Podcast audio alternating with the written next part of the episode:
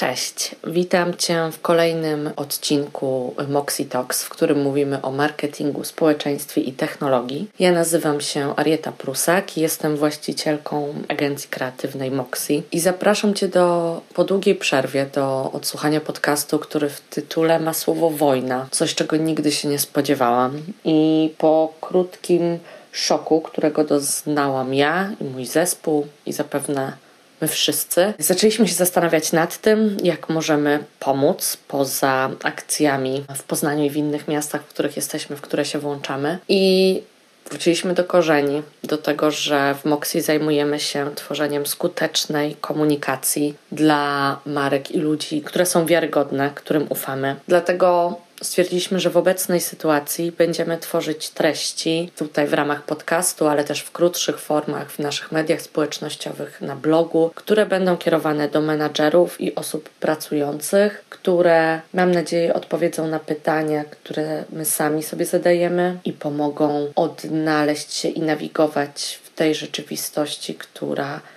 z dnia na dzień się zmieniła i która będzie dla nas inna. I ten podcast jest pierwszym z cyklu, dlatego bardzo serdecznie zachęcam do tego, by przesyłać nam pytania, sugestie tego, jakie tematy powinniśmy poruszyć i co jeszcze wymaga zaadresowania. Dlatego zachęcam do tego, by pisać do nas na maila biuromałpamoxi.pl. Adres mailowy znajduje się też na naszej stronie www.moxi.pl. W naszych mediach społecznościowych znajdziecie nas pod Moxi Agencja Kreatywna, ale można też pisać bezpośrednio do mnie, Arieta Prusak na Facebooku, Instagramie, LinkedInie. Ze wszystkimi tymi wiadomościami i pytaniami się zapoznamy i pomogą nam one tworzyć dalsze treści związane z tym tematem. A teraz już bez przedłużania zapraszam do rozmowy, którą udało mi się nagrać z cudowną ekspertką Zuzanną Jarosz.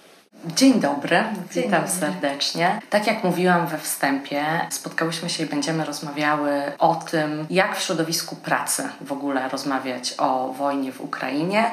I powiem od razu, że ja będę mówiła bardzo niewiele, ja będę zadawać pytania, bo właśnie dlatego też poprosiłam o to, żebyśmy się spotkały w tym podcaście. Ponieważ sama jako właścicielka firmy i osoba prowadząca zespół zaczęłam mierzyć się z tym, że nie wiem, jak mogę pomóc swojemu zespołowi, nie wiem, czego tak naprawdę potrzebuję i poprosiłam o pomoc ekspertkę. Dlatego bardzo serdecznie e, chciałam e, powitać e, panią Zuzannę Jarosz z Balans Psychoterapia z miejsca, które znajduje się w Poznaniu. Zanim przejdziemy do rozmowy i pytań, chciałam poprosić, żeby pani krótko powiedziała o tym, na czym polega jej praca i właśnie też współpraca z biznesem i firmami. Dzień dobry. Jestem psychologiem, psychoterapeutą.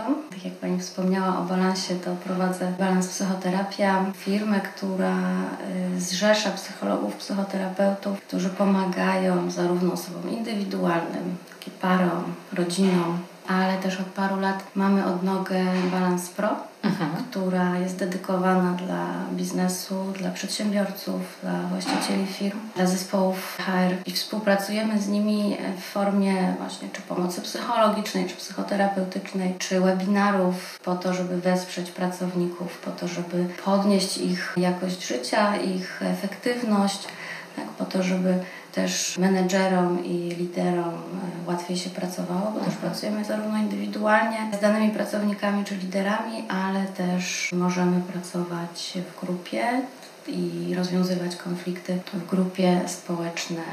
Tak Wiadomo, się zdarza. Zdarza się wszędzie. Absolutnie.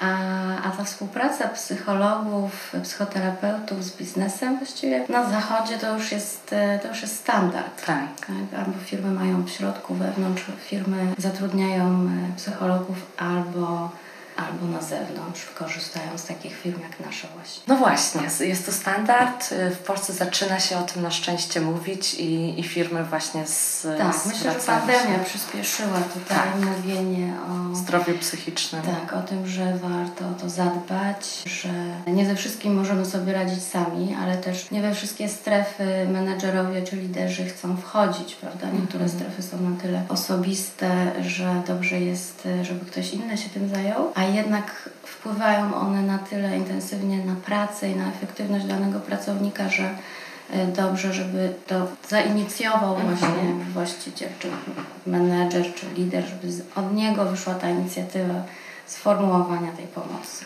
Właśnie ostatnio słyszałam takie zdanie, że sama zresztą powiedziałam do kogoś, że prywatnie u mnie jest w tym momencie bardzo trudno. To jeszcze zanim stało się to, co się stało. I wtedy właśnie ta osoba powiedziała do mnie, ale ty nie jesteś prywatnie i zawodowo różną osobą. To jest tak, że to, co się dzieje prywatnie, może wpływać na twój performance, efektywność w pracy. I wtedy Oczywiście. pomyślałam, aha, okej, to to jest w porządku, że nie mogę się skupić, że jest mi ciężko. I no, Tak, naczelne zdanie, żebyś być dla siebie łagodną, po prostu się przypomniało. Okej, przechodząc do tego, co się dzieje. My nagrywamy tę rozmowę w piątek, 4 marca, czyli tydzień po tym, jak doszło do ataku przez Rosję w Ukrainie. No, Ukraina jest w wojnie od 2014 roku, no ale mówimy tutaj o ogromnej inwazji. Chciałabym właśnie poprosić, żebyśmy porozmawiały o tym, co się obecnie dzieje z nami. Co się w nas, osobach pracujących zawodowo, ale w ogóle prywatnie właśnie, co się z nami obecnie dzieje? W jakich my jesteśmy sytuacji psychicznie? To w ogóle świetnie, że Pani podjęła ten temat y, z takiej też perspektywy właścicieli czy, czy firm. Jak można połączyć właśnie to odczuwanie, co to jest w środku, ale też prywatnie i, i w firmie.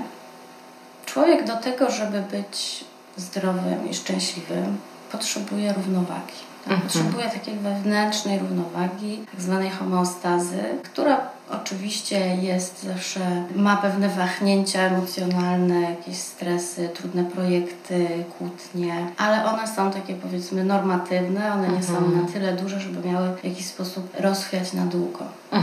Natomiast to, z czym teraz się mierzymy, to jest e, takie nagłe, dość brutalne zachwianie naszej równowagi wewnętrznej i takiego poczucia bezpieczeństwa, poczucia kontroli, co spowodowało wewnętrzną destabilizację psychofizjologiczną. I każdy z nas to odczuwa. Ta wewnętrzna destabilizacja jest w różnej formie i w różnym natężeniu. Każdy z nas jakby ze względu na różną strukturę osobowości, na różną wrażliwość, inaczej to będzie odbierał. Natomiast co do zasady każdy z nas to przeżywa. Tą destabilizację. Destabilizację teraz. psychofizjologiczną i, i psychiczną, i fizjologiczną. I teraz jak, jak to się może objawiać? Tak. Z jednej strony możemy czuć właśnie ten brak poczucia bezpieczeństwa, utratę kontroli, To jestem ja w czwartek, pierwszego dnia. utrata Poczucie- świat się wali. Wszystko, nic nie ma już sensu. Czy mam się ewakuować i uciekać? Czy w ogóle zamykać firmę? Jak to będzie? Grunt się tak rozsuwa. Ja nie byłam w stanie w ogóle zająć się niczym tego pierwszego dnia i po prostu panika, to, to akurat byłam ja. No. Myślę, że wiele osób miało podobnie, ponieważ to była pierwsza faza szoku, Mhm. tak, zaprzeczenia, braku zrozumienia, niezgody na to, co się dzieje w warunkach zewnętrznych. Mhm. Też taka niemożność zrobienia nic w danej chwili, w tej pierwszej chwili Mhm. tego szoku. W kolejnych fazach to już e, widzimy, że te akcje pomocowe i działanie i to, że możemy się w coś zaangażować w pomoc już się uruchomiła i to obserwujemy od, e, od tygodnia i to daje nam poczucie trochę odzyskania tej kontroli, tak? odzyskania tego wpływu, że możemy coś dalej robić, że możemy mieć chociaż jakiś mały, lekki wpływ e, na to, żeby zmienić tą rzeczywistość, na którą się nie godzimy. Mhm.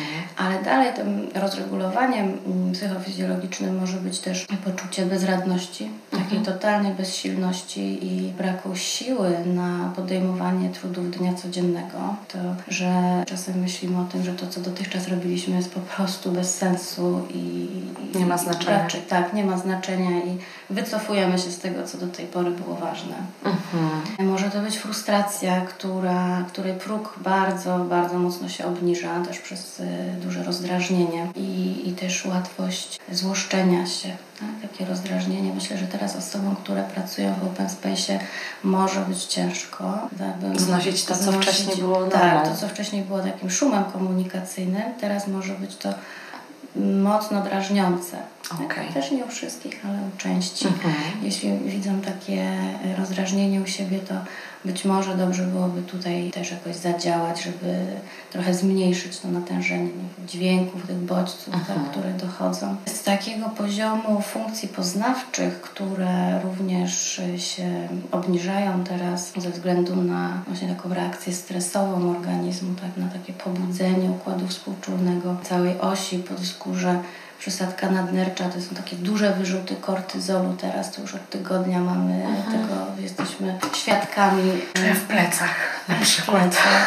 Ten kortyzol powoduje właśnie dużo wewnętrznego napięcia, mhm. obniżenie funkcji poznawczych, takich jak rozproszenie, dużo myśli, taki natłok myśli, Czyli trudność ta głowa, która cały czas biegnie, tak? I nie tak. można zasnąć, bo non stop jest kołowrotek myśli tak, na przykład. problemy ze snem, mhm. mhm. Bezsenność, trudność, czy trudność z zaśnięciem, ale też wybudzanie się w nocy, koszmary senne. Mhm. Tak, to też słyszałam historię osoby budziły się i mówiły właśnie całą noc broniłem Kijowa i wybiegałem z karabinem i po prostu ledwo żyję. Tak, ja też takie... Wykończony tą nocą. Tak, ja też w zespole słyszałam właśnie takie rzeczy, na przykład do drugiej nie mogłam w ogóle spać, bo był jakby dzień, albo właśnie ktoś komuś się śnił Putin, komuś się śniły po prostu jakieś tak. takie no. Takie sny, które też trudno jakoś osadzić, prawda, w naszej rzeczywistości, że to Nie wynikają z naszego życia tego, co się dzieje. z naszego życia, one są taką abstrakcją wręcz, mhm. którą, no, którą trudno zrozumieć. Stąd tym bardziej ona jest dla nas no, niebezpieczna, czy my ją jakby przyjmujemy, organizm jakby identyfikuje jako niebezpieczną, tak? Stąd ten ciągły stres też. Tak, bo to jest właśnie też, ja słyszałam takie właśnie rozmowy też, że poczucie, że to jest film, bo ja mhm. jestem w tak. pomieszczeniu teoretycznie, bez, no w praktyce bezpieczna, tak. ale z powodu informacji czuję po prostu ogromny lęk. Nie? Tak, tak. To poziom lęku. Właściwie mm, ta destabilizacja, o której mówiłam, to on objawia się głównie ze spektrum lękowo-stresowych mhm. objawów objawy lękowo-stresowe, czyli to takie pobudzenie wewnętrzne też mogą być e, na przykład niepożądane objawy z układu pokarmowego. Mhm. Przyspieszone bicie serca, jakieś taki Podwyższone ciśnienie. Mhm, podwyższone ciśnienie, ataki paniki, napady lęku, właśnie negatywne projektowanie przyszłych wydarzeń, mhm. taka niepewna przyszłość o siebie, swoich tak. najbliższych. I ta cała mieszanka jest naprawdę jest duża, jest obszerna no i jest mocna. Tak? Ona jest ciężka. Tak pomyślałam sobie, że to jest taka mieszanka wybuchowa, nie? Że tak. nasza tolerancja na cokolwiek musi się bardzo obniżać po prostu. Tak, trudno jest to wytrzymać po prostu, bo te wszystkie objawy, one wewnętrznie tworzą duże napięcie, mhm. które chcemy w jakiś sposób odreagować. Mhm. Tak? I najczęściej takie najszybsze, najprostsze reakcje no, na ten moment, w tej pierwszej fazie to będzie pomaganie, działanie, zadania, aktywność mhm. i to jest na dobre, adekwatne reagowanie. Natomiast zaraz mogą się pojawić e, takie inne prostsze sposoby odreagowywania, ale mniej zdrowe, czyli na przykład uzależnienia, sięganie po kieliszek wieczorem albo po inne substancje y, psychoaktywne, które gdzieś trochę będą nas odciągać, tak? trochę mhm. będą nas odłączać od tych emocji, trochę powodować, że się znieczulimy i będzie nam y, łatwiej zasnąć, tak? mhm. potencjalnie krótkoterminowo oczywiście, a w długim terminie to, to jednak będzie działać negatywnie. Te emocje, o których mówimy, no one pozytywne nie są na pewno. I pierwsza reakcja może być taka, że nie chcę tego czuć. A właśnie jak rozumiem, dobrze jest identyfikować to, że tak się czuję, żeby móc podjąć działania, które będą właśnie dobre dla nas, a nie takie, które nas jeszcze odłączą po tak, prostu. Tak, tak, to o tym też pewnie powiem później, ale jakie metody. Tak, to jeszcze do tego przejdziemy ale pewno dobrze jest je obserwować, mhm. czyli zauważać, że coś takiego się ze mną dzieje, tak? że to nie jest kwestia, że to, że mam pięć dni biegunkę, tak.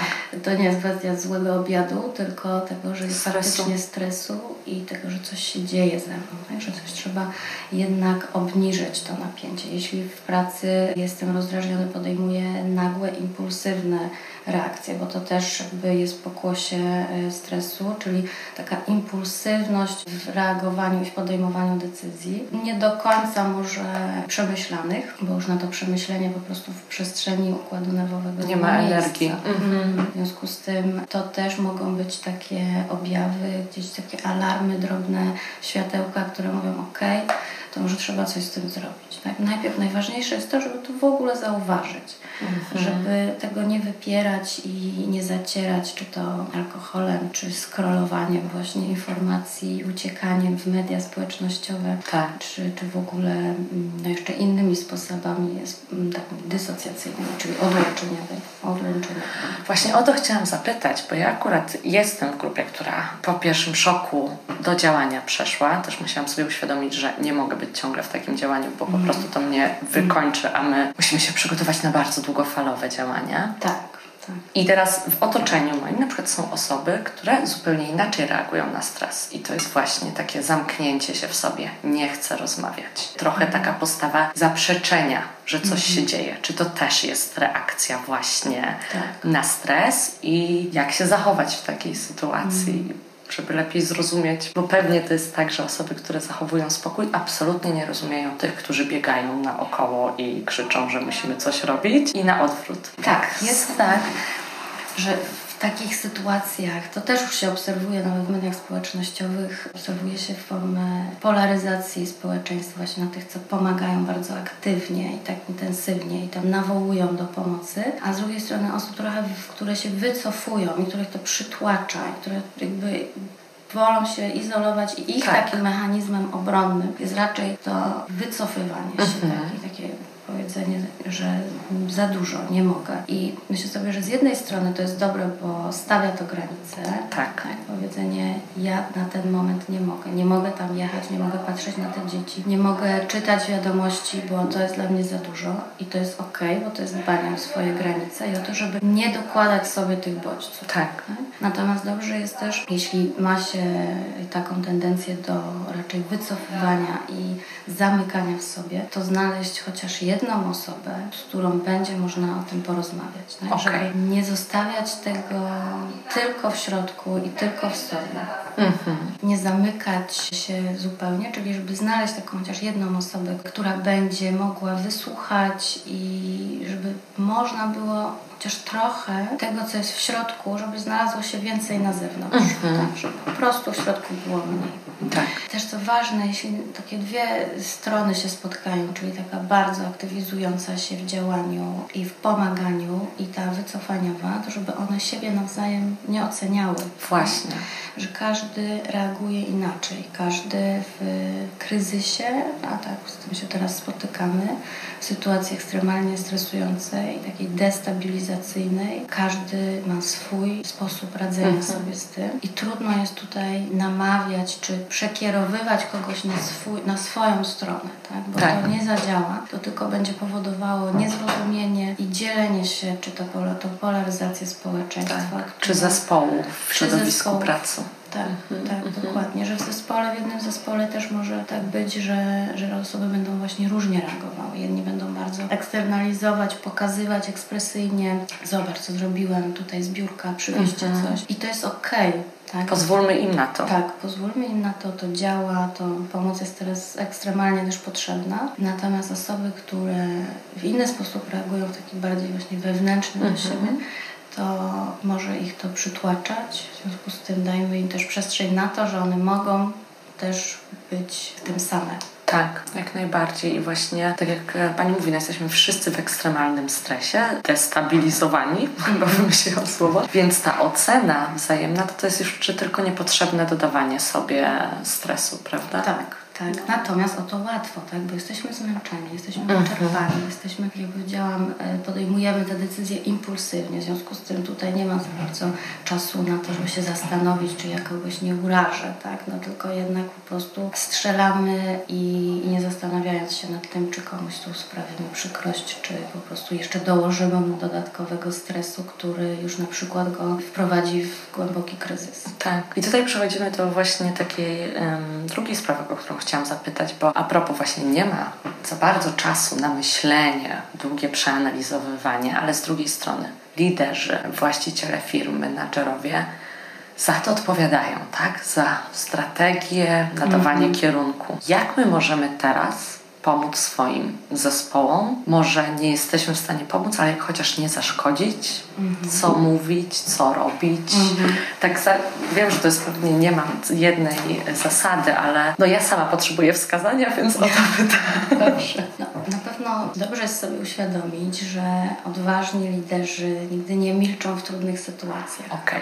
Więc strategia zamiatamy pod dywan, nie ma, nie ma sprawy, w ogóle skupiamy się tylko na pracy pracy, to nas nie dotyczy, tu jest biznes i jedziemy z tematami, to nie jest dobra strategia, bo ona może tylko tworzyć jakiś rodzaj frustracji, złości i niezrozumienia wśród pracowników. Może być na tyle, mm, pracodawca w oczach pracownika może być na tyle by odklejony od tego, co się dzieje, mhm. tak? czyli na tyle nieautentyczny, że straci y, do niego czy zaufanie, czy lojalność. Tak.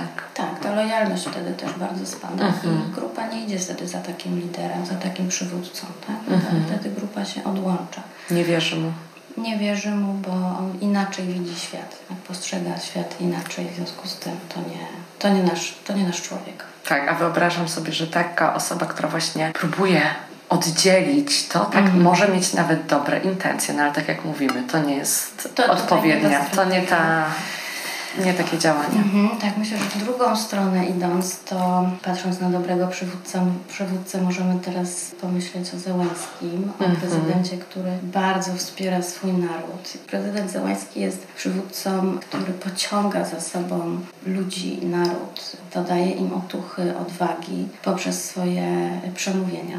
Tak poprzez swoją postawę. Natomiast proszę zwrócić uwagę, jak zmieniły się te przemówienia, które były na początku i te, które teraz obserwujemy. Jakby w treści one są tak samo krzepiące i tak samo budujące nadzieję mhm. i wierzące w naród i w to, że poradzą sobie z Rosją. Natomiast w formie obecne przemówienia są już inne, ponieważ tam głos zamiast jemu się łamie. Tak czasami się zatrzymuje, nie wie co powiedzieć. Widać w nim, że on to przeżywa. Widać, że jest e, poruszony, poruszony jest tym emocjonalnie związany. To dodaje mu tylko autentyczności. Tak? To wcale go nie obniża jego wpływu tak. jako lidera. Tak, wręcz przeciwnie, to, to pokazuje, że okej, okay, no ten facet też czuje, że to jest też dla mhm. niego ważne, że to jest jakaś ważna sprawa i inne osoby, tak, jego ludzie, jego naród, my jak na niego patrzymy, którzy jesteśmy równie poruszeni tym, tak. co się dzieje, Bo to jest tuż jesteśmy obok. dzięki temu bliżej, tak? tak. Możemy go bardziej zrozumieć i on dla nas z perspektywy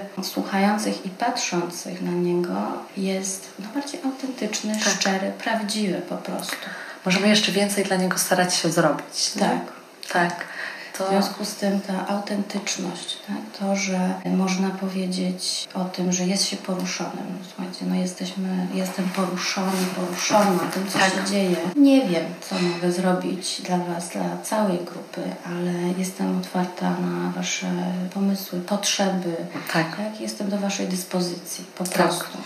Czyli tak. taka otwartość na to, że, że inne osoby będą może potrzebowały jakiejś rozmowy, będą być może potrzebowały zmiany czy kogoś w swojej pracy. Nie spodziewałabym się raczej, żeby na forum e, w zespole osoby czy się zgłosiły. się zgłaszali i mówili o tym, co przeżywają, czy z czym się mierzą, bo to jest dosyć trudne. Jeśli by tak było, to by znaczyło tylko tyle, że to jest bardzo zgrany zespół, mm -hmm. gdzie ludzie czują się bezpiecznie. Tak. Także to, to jest ta otwartość na, na zespół, żeby coś zakomunikować, ale też dodałabym do tego elastyczność. -hmm. Czyli taka elastyczność, że każda z osób, każdy z pracowników może odczuwać to inaczej mhm. i może w związku z tym mieć trochę inne potrzeby. I inaczej się zachować, inaczej, inaczej odpowiedzieć na komunikat też. Mhm. Być może poprosi rozmowę, być może zadzwoni, może coś napisze, a być może wcale się nie odezwie i będzie próbować radzić sobie z tym sama. Mhm, mhm. A propos właśnie tego, co Pani powiedziała, że Sowińskiemu łamie się głos i on mm. wcale nie traci jak tak. wiarygodności, to ja mogę się odnieść do tego, że mi zdarzało się powiedzieć do zespołu. Znaczy nie, może nie w tym, w tym momencie też, ale wcześniej. Muszę wziąć wolne, bo się psychicznie źle czuję albo po prostu jestem zmęczona. Ja później na jakichś kwartalnych czy półrocznych feedbackach dostawałam informację, że coś, co ja uważałam, że ja pokazuję swoją słabość, zespół odbierał jako dzięki, że o tym powiedziałaś. Dzięki temu czuję, że ja też mogę powiedzieć, potrzebuję wolnego, bo mam migrenę, czy mm. po prostu coś się dzieje prywatnie. I jakkolwiek właśnie tak sobie myślę, że z perspektywy menedżerów czy liderów to może być trudne, pomyślą sobie, że muszę teraz być twardsza. Tak, niż... założyć zbroję tak. twardą i teraz tak. stanąć wyprostowany i tak. powiedzieć pewnym głosem. Tak. No wcale nie, wcale nie. Też to, o czym Pani powiedziała, to nawet niekoniecznie bym nazwała to słabością, tylko wręcz otwartością tak, i odwagą na to, że może się Pani odsłonić trochę. Mhm. To, że, że, że lider odsłania się w małym oczywiście tak. aspekcie, takim też bezpiecznym dla niego, takim, który już też sam ma ze sobą uzgodnione tak. i odsłania to, to tylko dodaje mu takiej no, wrażliwości, ale też dobrego odbioru ze strony pracowników. Mhm. To tylko mu dodaje tej szczerości, tej autentyczności i stawia go w pozycji odważnego lidera. To Brené Brown o tym mówi, że wrażliwość jest komponentą odwagi.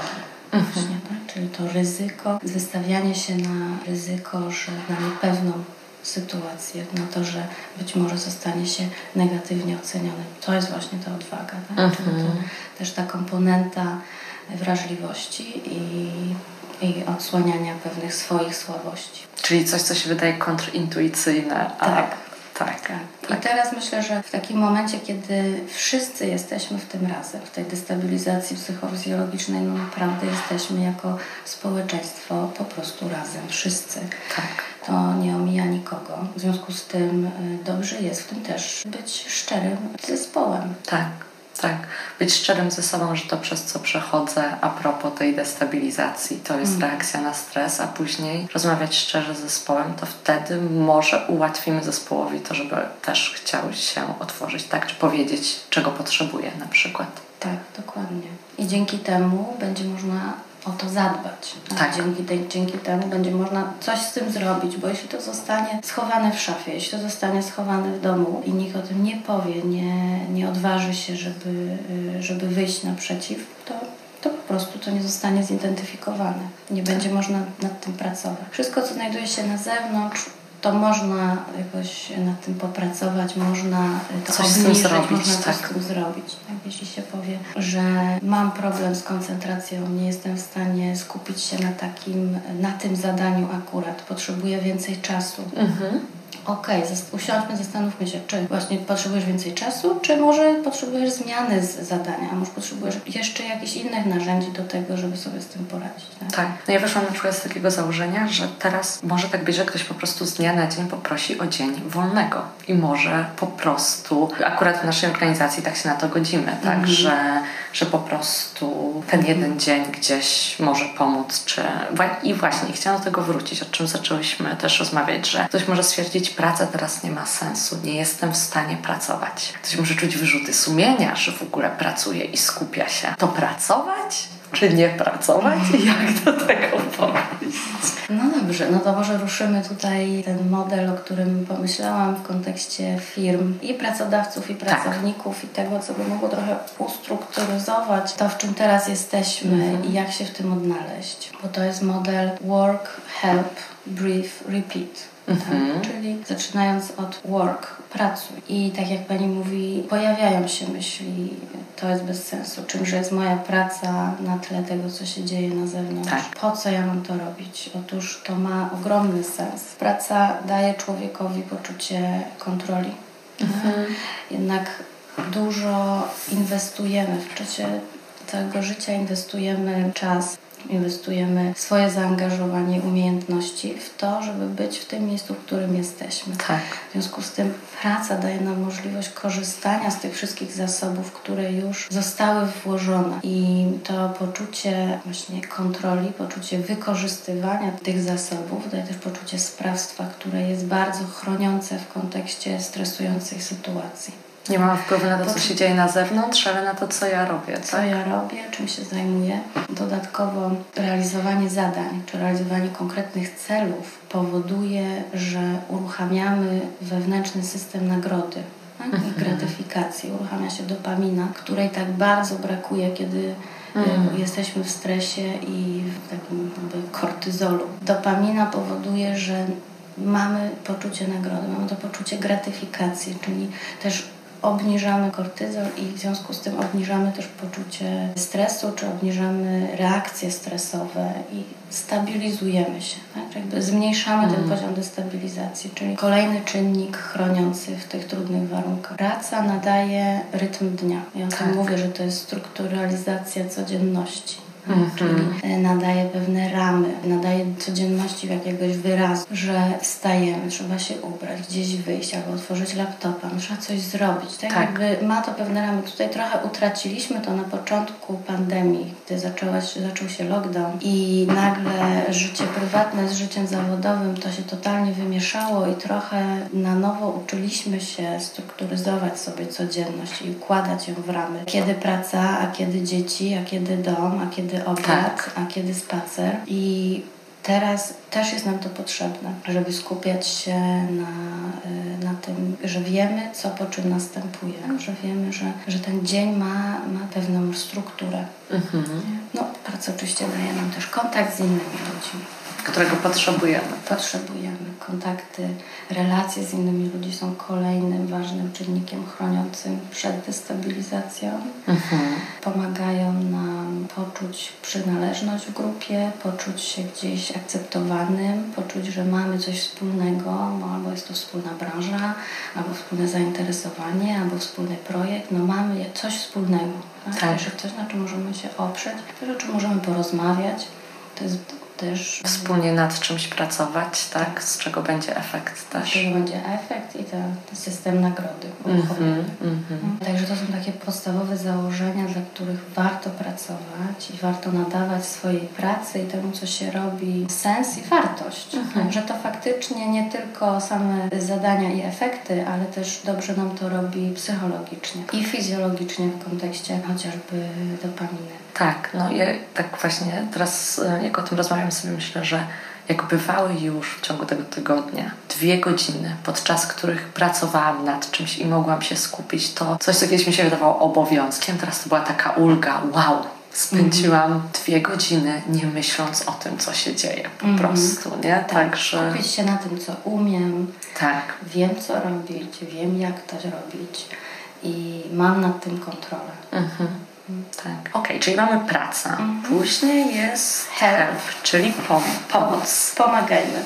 Pomoc teraz jest y, bardzo ważna. Mhm. Każda pomoc, tak? Od małej złotówki przesyłanej codziennie po ogromne transporty, które wożą czy na granicę, czy gdzieś tu lokalnie, czy zapraszanie innych osób do nas, nawet do siebie, do domu, co też myślę, że jest ważnym aspektem z punktu widzenia pracodawcy, tak? bo proszę zauważyć, że niektóre osoby użyczyły pokoju. Tak, zmieniło się ich, ich miejsce, tak, na przykład, z którego pracują, jeśli pracują z domu. Tak, jeśli pracują z domu, przykład użyczyły pokoju, który wcześniej był ich gabinetem, to teraz tak. muszą pracować inaczej. I, no i pytanie jak, i pytanie też jak efektywnie, tak? To są takie aspekty, o które pewnie może nie wprost pytać, ale tak naokoło trochę pracodawca mógłby też o tym wiedzieć, czy menedżer mógłby w to się na tyle za, zaangażować, żeby znać kontekst danej osoby, tak? w czym tak. ona teraz jest, czym jest osadzona, co to jest e, Absolutnie. dla niej teraz za zmiany się dzieją. Chyba wczoraj rozmawiałam właśnie ze znajomym, który powiedział, że dostałem telefon o drugiej w nocy, że z Poznania do Wrocławia muszę kogoś przywieźć, o siódmej wróciłem, o dziewiątej poszedłem do pracy, tak? Czyli tak. tego no dnia... Pytanie, czy ta osoba o tym powie swojemu liderowi, swojemu tak. menedżerowi, po to, żeby powiedzieć, słuchaj, wyspałem dwie godziny,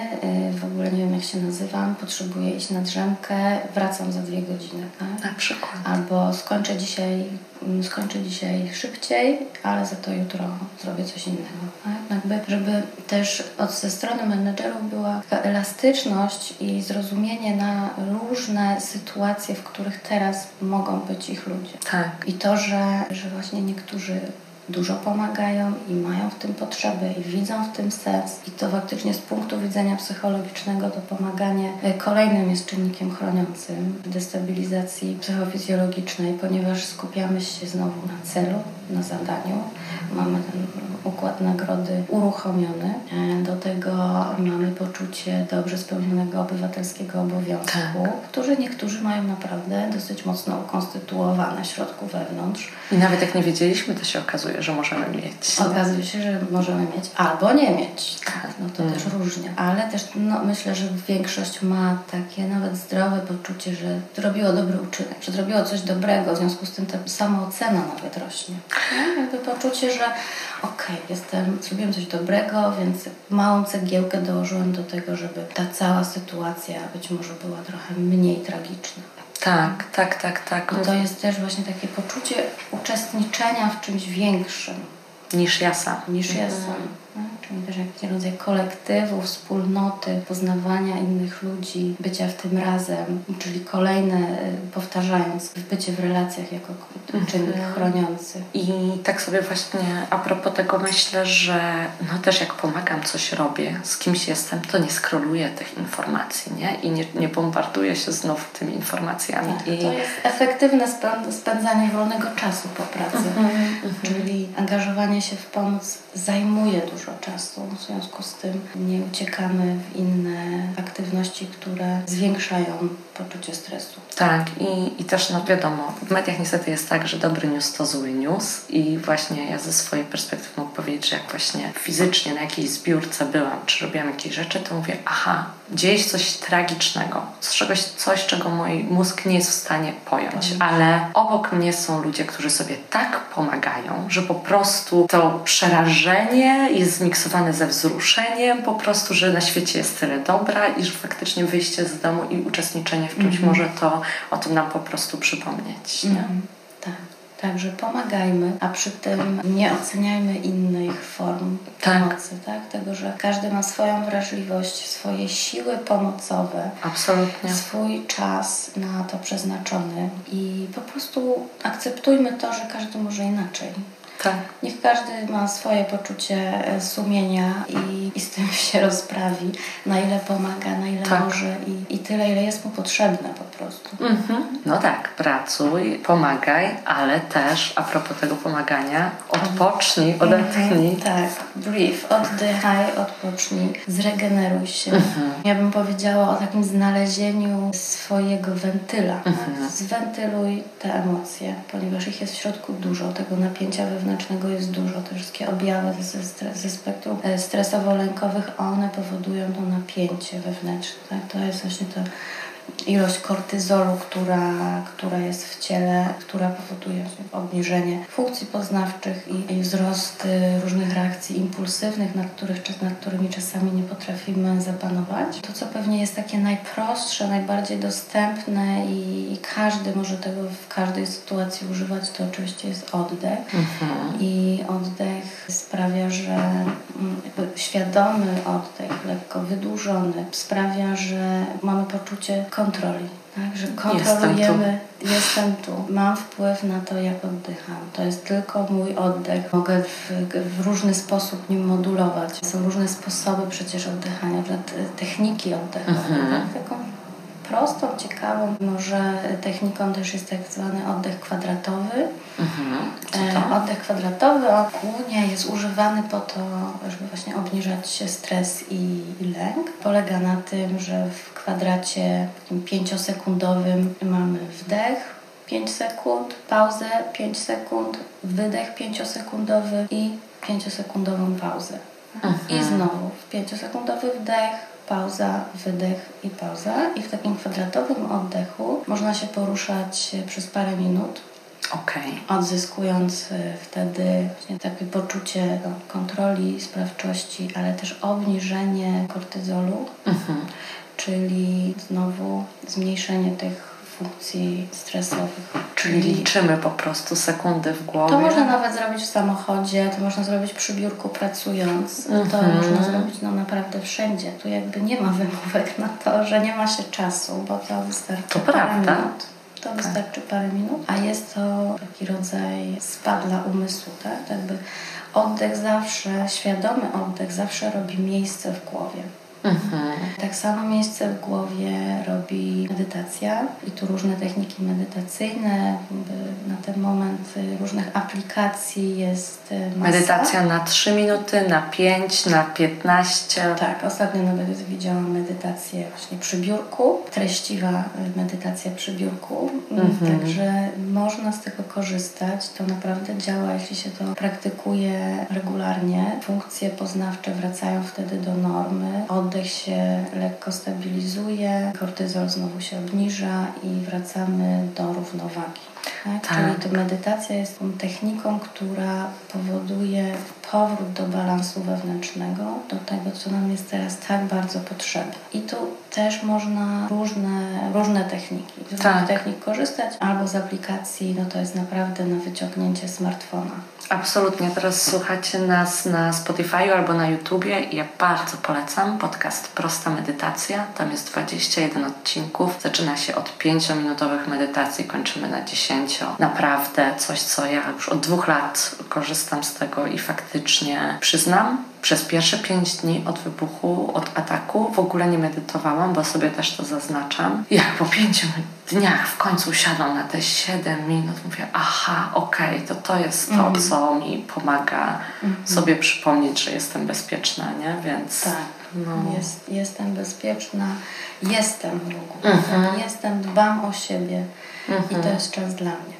Nawet parę minut. Zawsze wtedy mi się przypomina taki serial Billions i tam Bobby Axelrod, główny bohater, który stał na czele wielkiego, wielkich inwestycji na Wall Street, miał swój pokój ciszy Mhm. i tam wchodził do niego na parę minut, do 30 minut i wychodził z niego z nową głową, świeżą głową, z, z głową, która była gotowa na nowe pomysły i miała jakby taką też sobie przestrzeń, tak umysł miał przestrzeń na Tak. to, żeby kreować dalej. To też nie bez powodu mówi się o tym, że kreatywność rodzi się w nudzie, czyli potrzebna jest przestrzeń w głowie, miejsce w umyśle do tego, żeby móc kreować, żeby twórczo myśleć, żeby w ogóle myśleć racjonalnie. Mhm. Dlatego Tak.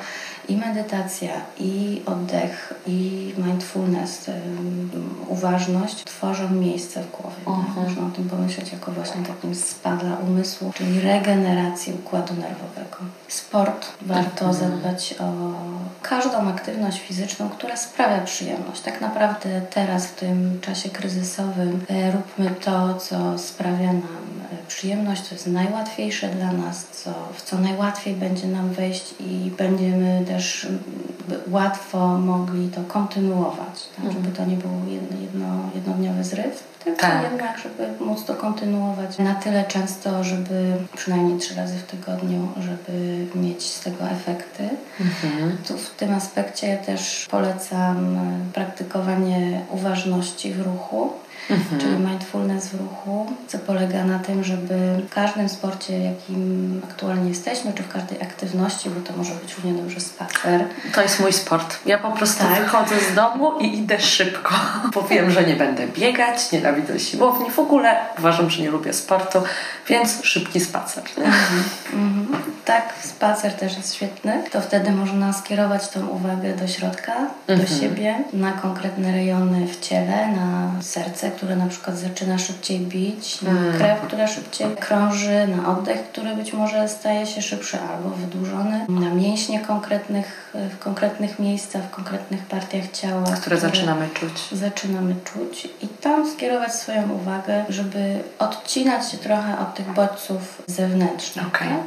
Czyli taka forma na przykład biegania na bieżni w siłowni, gdzie dookoła jest dużo bodźców, y, na przykład dźwięków, jeszcze przed nami jest ekran. Z, coś oglądamy. Tak, coś oglądamy. Spróbujmy wtedy, nawet patrząc na coś, ale specjalnie się nie wpatrując, ale spróbujmy właśnie przekierować tą uwagę wtedy do środka, żeby mhm.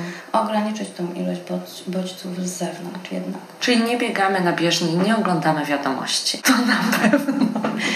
Forma bo, bo tu jesteśmy w, tym, w tej regeneracyjnej sferze, to wiele osób często w, w tym czasie wolnym właśnie sięga tak, po telefon czy po, y, czy po laptopa i ogląda wiadomości, mm. zaczyna czytać, oglądać, słuchać wiadomości. Tutaj byłabym dość ostrożna. Raczej bym szła w kierunku monitorowania tego, jak to nam robi. Tak? Na ile, jakby, żeby ze sobą się umówić, czy lepiej jest oglądać obrazy, czy wystarczy tylko czytać. Tak? Niektóre osoby są na tyle wrażliwe na obrazy, które są no, drastyczne, drastyczne tak. dramatyczne. Czy to nie jest za dużo? Czy to nie jest jakby taki, bo tak intensywny bodziec, który osłabia niepotrzebnie. I nie mamy się czuć, nie mamy czuć poczucia winy, że nie oglądam tego, tak? Tak. Ja na przykład, na, ja w ogóle nie oglądam, i, mhm. bo naprawdę wtedy, przepraszam słowa, mam mindfuck w głowie, mhm. bo ja po prostu czuję wtedy taki stres,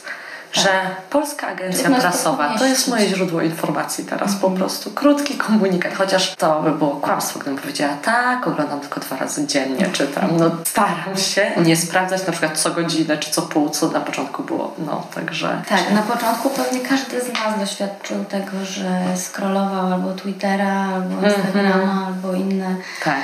kanały informacyjne, które bardzo intensywnie bombardowały nas krótkimi, szokującymi informacjami, które trudno było mogły jakoś osadzić tak, w mhm. kontekście, w jakimś większym obrazie tak. z danej sytuacji. Więc to, co pewnie pomaga, to umówienie się na ilość, kiedy, w jakich godzinach, co oglo czy oglądam, czy czytam, czy słucham tak. no i tak. konkretnie jaki kanał. Tak? Ja tutaj zachęcam raczej do kierowania uwagi w stronę takich większych opracowań, większych analiz, takich już może jakichś podsumowań, bardziej niż zdawkowych, krótkich, krótkich informacji. Tak, tak, tak, takich bomb informacyjnych. To, to, to. Tak, to. bo to dodatkowo, no, no to po prostu nas mocno stresuje. Mhm. mhm. Także to na pewno nie pomaga. Czyli to jest tak, że my aż mamy obowiązek odpoczywać w tym czasie. Mamy obowiązek ogromny, ponieważ jest, nawet są takie wykresy pomagania i poziomu wyczerpania. Mhm.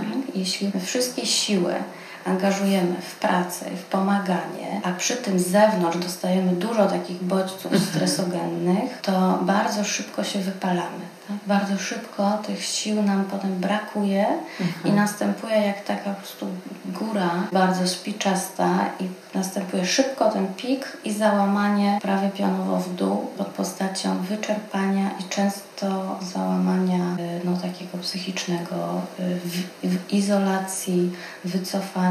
Także to mogą być ataki też paniki jakieś. Tak, tak, tak. Wtedy się mogą uruchamiać różne rzeczy, też jeszcze nawet z przeszłości ale to, mhm, to tu mhm. nie o tym. Dlatego to, co, jak można zdrowo pomagać, to pomagać i odpoczywać. Mhm. Pomagać i regenerować się.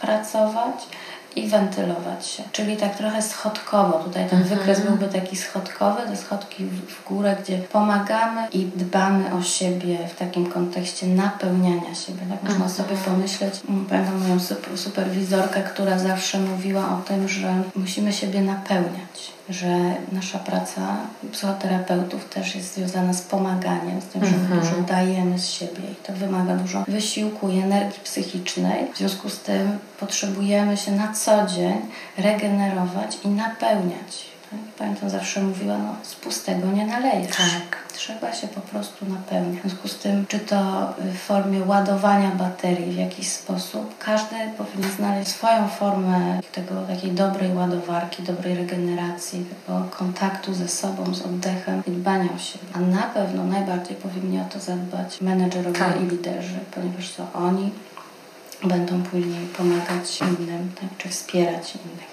Tak. I oczywiście nie muszą tego robić sami. No, w tym też możemy, no, pamiętajmy o tym, że psychologowie czy psychoterapeuci no, to tym się trudnią mhm. pomaganiem w sytuacjach kryzysów psychicznych. W związku z tym można korzystać z tej pomocy i posiłkować się, poprosić o, o wsparcie czy wewnątrz firmy, czy po prostu zadbać o siebie też w ten sposób, jeśli, jeśli już czujemy, że, że, że gdzieś dochodzimy do takiej linii, że już więcej nie możemy, a nie wiemy, co ze sobą zrobić i jak sobie pomóc. Absolutnie tak. W związku z tym po prostu y, no, korzystajmy też z tego.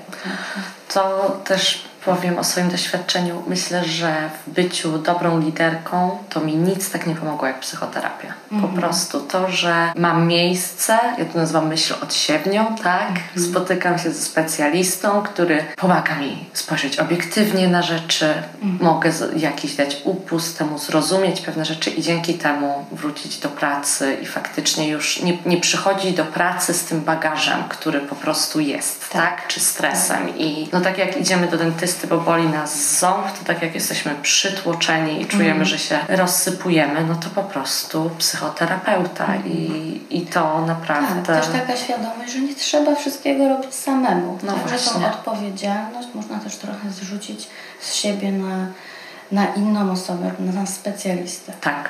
Tak. Po, to, po to oni są. Tak, tak, tak, tak. Tak jak, słuchajcie, jak my z siebie robimy specjalistów i mamy być w czymś dobrze, to niekoniecznie, to do tego tutaj też potrzeba specjalistów. Okej. Okay. No i ostatnia, ostatnia faza, czyli repeat. Powtórz.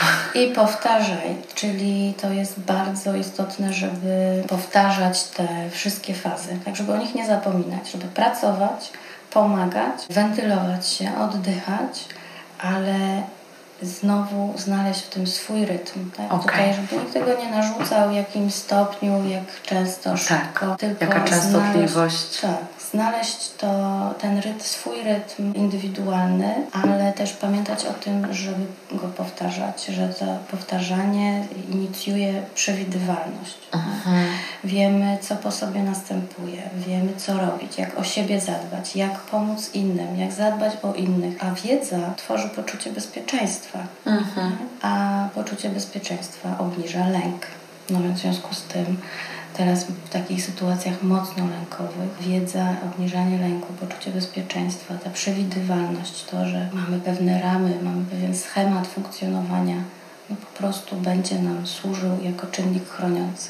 Mhm. Super, bardzo dziękuję za tą e, wskazówkę. Jeszcze mam jedno pytanie, bo o tym już rozmawiałyśmy, że raczej jako menedżerowie powinniśmy się spodziewać tego, że nie możemy spodziewać się non-stop takiej samej wydajności od naszych zespołów czy od nas samych, tak? Mogą się zdarzać właśnie spadki w energii. Absolutnie powinniśmy być na to gotowi i otwarci. A jak rozmawiać i wspierać osoby, które pochodzą z Ukrainy, których już bardzo dużo w Polsce mieszkało i pracowało z nami, pracuje w wielu firmach? Mhm. Jak z nimi rozmawiać? Jak po prostu możemy ich wspomóc? Bo z jednej strony ja już też słyszę takie komunikaty, że, że oni mówią, już przestańcie mnie pytać, jak się czuję. Z tak. drugiej strony to jest też tak, że oni są maksymalnie w pomaganie też e, zaangażowani, plus dostają informacje od rodziny, znajomych, którzy są w Ukrainie. Więc, mhm. więc jak tutaj być wrażliwym i pomagać, a nie dodawać mhm. jeszcze stresu. To jest bardzo indywidualna kwestia. Bardzo. Mhm. I tutaj myślę, że ta forma elastyczności u dobrego lidera, menedżera będzie y, najbardziej wykorzystywana, czyli tak, żeby się trochę dostosować do każdej osoby indywidualnie, ponieważ faktycznie historie Ukraińców, którzy mieszkają w Polsce, no, są przeróżne. Tak. Jednych właśnie mężowie czy partnerzy wyjechali walczyć i teraz kobiety zostały same, no, nie, nierzadko z dziećmi i próbują jakoś wiązać koniec z końcem e, i to no, są w takiej kryzysie nawet e, czasami bytowym. Mhm. Po prostu potrzebują takiego wsparcia e, na już, na teraz, żeby się nimi zaopiekować w formie no, tak, takim bytowym, żeby jakoś ich wesprzeć, coś kupić, zająć się dzieckiem. Właśnie. Tak. Są też osoby, które pracują, które są w firmach, w zespołach, w grupach branżowych i angażują się w pomoc tak, jak potrafią, natomiast to pewnie będą osoby, które będą się angażować w pomoc dosyć tak mocno, tak jak mówiłam o tym wykresie, tym takim będą Tak. szybko mogą osiągnąć ten pik, który no, niebezpiecznie może zaraz spadać w dół i, i, i być taki wyczerpa, wyczerpaniem po prostu. Tak. W związku z tym pewnie dobrze jest pytać, ale jeśli właśnie już się dostaje takie sygnały, że już mnie nie pytajcie, bo już mam za dużo, ja po prostu jestem, jestem skoncentrowana i skupiona na tym, żeby pomagać, żeby tu wesprzeć ludzi, którzy tego potrzebują, to po prostu być, powiedzieć słuchaj, już nie będę pytać, ale pamiętaj, że jak coś się będzie działo, będziesz po czegoś potrzebować, po prostu znasz numer, wiesz Mhm. jaki kanał informacyjny, Tak. odezwij się.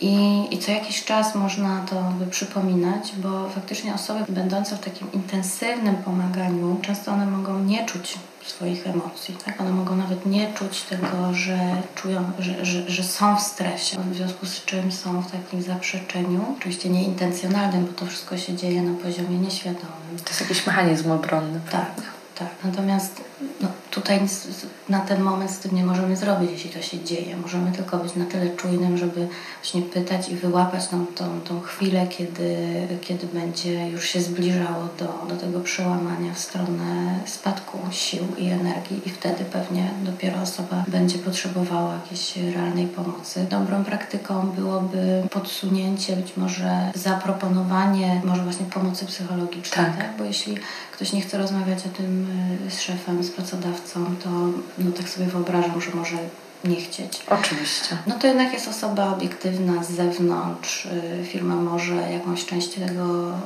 y, tego kosztu wziąć na siebie. Zorganizować to po prostu, nie powiedzieć poszukaj sobie, a my zapłacimy, tylko proszę bardzo, tu jest numer. Konkretnie dać numer albo powiedzieć, e, słuchaj, mam, masz umówioną taką taką dniu sesję, chcesz skorzystać z tego, nie chcesz, to nie skorzystasz, Mhm. tak? ale jest. Tak. Czyli taka pomoc trochę też, żeby, żeby to też wybrzmiało, żeby menedżerowie nie brali tej całej odpowiedzialności na siebie, tak? Na, Mhm. na, mogą to oddać. Tą odpowiedzialność za stan psychiczny swoich pracowników no, nie muszą brać całego na siebie, tak? bo to jest Ale nawet nie niemożliwe. powinni. To jest niemożliwe. Tak. Tak. Mogą to oddawać i, i korzystać z tych form pomocowych, które są po prostu. Tak? No przecież psychoterapeuci właśnie y, po to są, żeby pomagać w stanach kryzysowych, stanach takich interwencyjnych, ale też później, jeśli trzeba będzie na przykład pracować z osobą, która już ma objawy PTSD, tak, stresu potraumatycznego, Mhm. czy, czy takimi objawami depresyjnymi, no to też mm, to, to, to może być za jakiś czas. To nie rozmawiamy jeszcze o tym, co się teraz dzieje, ale no, mówi się o tym, że, że tak może się wydarzyć za Tak. parę tygodni. Tak. Ja też w opisie tego odcinka kilka numerów telefonów i stron internetowych też i takich płatnych i bezpłatnych postaram się umieścić, ale właśnie a propos tego, co Pani powiedziała, czyli masz tu spotkanie, możesz skorzystać, nie musisz. Ja myślę, że to jest też bardzo ważne, żeby pamiętać, że jak komuś oferujemy pomoc, to ta osoba może czasami odmówić i, Tak. i to jest porządku. Tak, I nie, nie ma miejsca tutaj na bycie obrażonym czy urażonym, szczególnie w ogóle też w tak ekstremalnej sytuacji, w jakiej jesteśmy obecni. Tak, pamiętajmy, że każdy na tą sytuację reaguje inaczej. Mhm. Jest w swoim świecie wewnętrznym, co też właśnie powoduje ogromne osamotnienie, tak? poczucie osamotnienia, bo jednak tego, że nikt tak do końca nie wie, co ta osoba przeżywa. Mhm. Tylko ona sama. I nawet jeśli sama trochę coś czuje, trochę coś mi się wydaje, coś widzi, to nawet czasami trudno jest to opisać.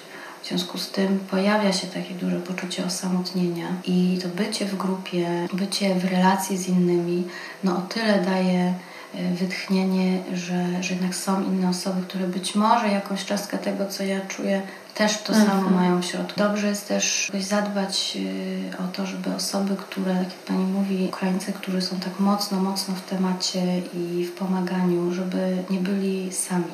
Żeby Mhm. czasami nie zostawali sami, ponieważ y, będąc w głębokim kryzysie, no często y, no, mózg, tak jak już powiedzieliśmy, nie działa adekwatnie i racjonalnie i może mieć różne pomysły takie też zagrażające sobie. Mhm. Jest jeszcze jeden temat, o którym chciałam wspomnieć, bo w tym tygodniu sobie słyszałam też taką historię, że firma postanowiła, że się nie angażuje, bo ma pracowników z Ukrainy, i z Rosji. I myślę, że tutaj też menadżerowie muszą pamiętać, że to jest tak jak na początku rozmawialiśmy, udawanie, że tematu nie ma, nie jest wskazane i tu też nie chodzi o stawanie po żadnej ze stron, tak? tak? Mówimy tutaj o tym po prostu, żeby być razem, rozmawiać i po prostu sobie pomagać. I teraz etykietowanie to w ogóle już chyba jest ostatnia rzecz, mhm. jaka powinna się dziać. No to myślę, że w ogóle są ekstremalnie trudne decyzje przed menedżerami, żeby to wypośrodkować jakoś. Natomiast też znowu nie być obojętnym. Tak. Żeby powiedzieć, słuchajcie, ta sytuacja nas porusza.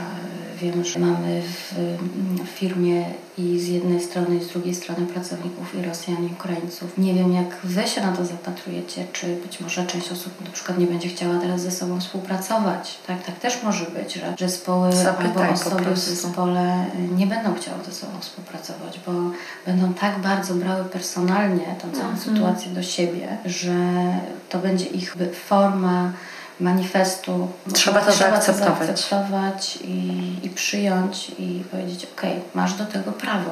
Tak? Każdy ma do tego prawo. Też słyszałam teraz y, takie informacje z branży budowlanej. Bardzo dużo też osób wyjechało. Prawda? Często mm, przedsiębiorcy właśnie z tej branży mówią, że teraz mężczyźni wyjechali, właśnie kobiety z tymi dziećmi zostały właściwie trochę na ich odpowiedzialność tak? I, tak. I, I też mają taką potrzebę, żeby jakoś się nimi zająć, żeby trochę ich pomóc, wesprzeć. I to jest dobre, to jest dobre. Jakby jeśli jest taka potrzeba, jeśli ona jest zgłaszana albo z jednej strony, albo wypływa od osoby, która chce pomagać, no to róbmy to. Po prostu rozmawiajmy ze sobą. Mm. To jest to. Rozmawiajmy nie o sobie, kto co, tylko rozmawiajmy ze sobą. Tak? Pytajmy. No właśnie, to jest rozmowa, zadawanie pytań i słuchanie też. Okej. Okay. Ja zadałam wszystkie pytania. Bardzo dziękuję. Po tak. prostu już ja już dzięki tej rozmowie jestem pouspokojona, także jestem bardzo wdzięczna. I właśnie pytanie, czy jeszcze o czymś powinnyśmy wspomnieć? w tych notatkach? No chyba nie więcej o tych chroniących najwięcej chciałam powiedzieć, żeby tu jakoś dać te narzędzia mhm. i jakby uwypuklić to, co pomaga po prostu tak. tak. w tej sytuacji i czego ewentualnie nie robić. Okej, okay, to bardzo raz jeszcze dziękuję za tę rozmowę i, i za podzielenie się bardzo potrzebną teraz wiedzą, czyli tak jak ja to zapamiętałam, to wszyscy jesteśmy teraz w ekstremalnym stresie i rozregulowaniu. Są rzeczy, które mogą nam pomóc i potrzebujemy sobie o nich przypominać i je po prostu wdrażać i warto ze sobą rozmawiać, więc tym bardziej dziękuję za tę rozmowę. Dziękuję bardzo. To może tak też podsumuję, co jest takie najważniejsze tak. teraz, co jest takimi najważniejszymi czynnikami chroniącymi, żeby to dobrze wybrzmiało. To na pewno odzyskiwanie kontroli w pracy. Także mhm. pracujmy, róbmy swoje. Wspieranie innych i pomaganie Pomoc jest teraz nieoceniona, dlatego jak możemy, pomagajmy. Dbajmy o siebie tak, jak to robimy, lubimy i umiemy najlepiej. Mhm. Oddech, medytacja, sport, aktywność ruchowa, wszystkie te formy ładowania baterii, które są dla nas indywidualnie najbliższe, one będą działać. I monitorujmy korzystanie z mediów. Tak, bądźmy na to uważni, ile i w jaki sposób dostarczamy sobie tych bodźców mocno stresujących. Bardzo, dziękuję bardzo. Bardzo dziękuję. Dziękuję.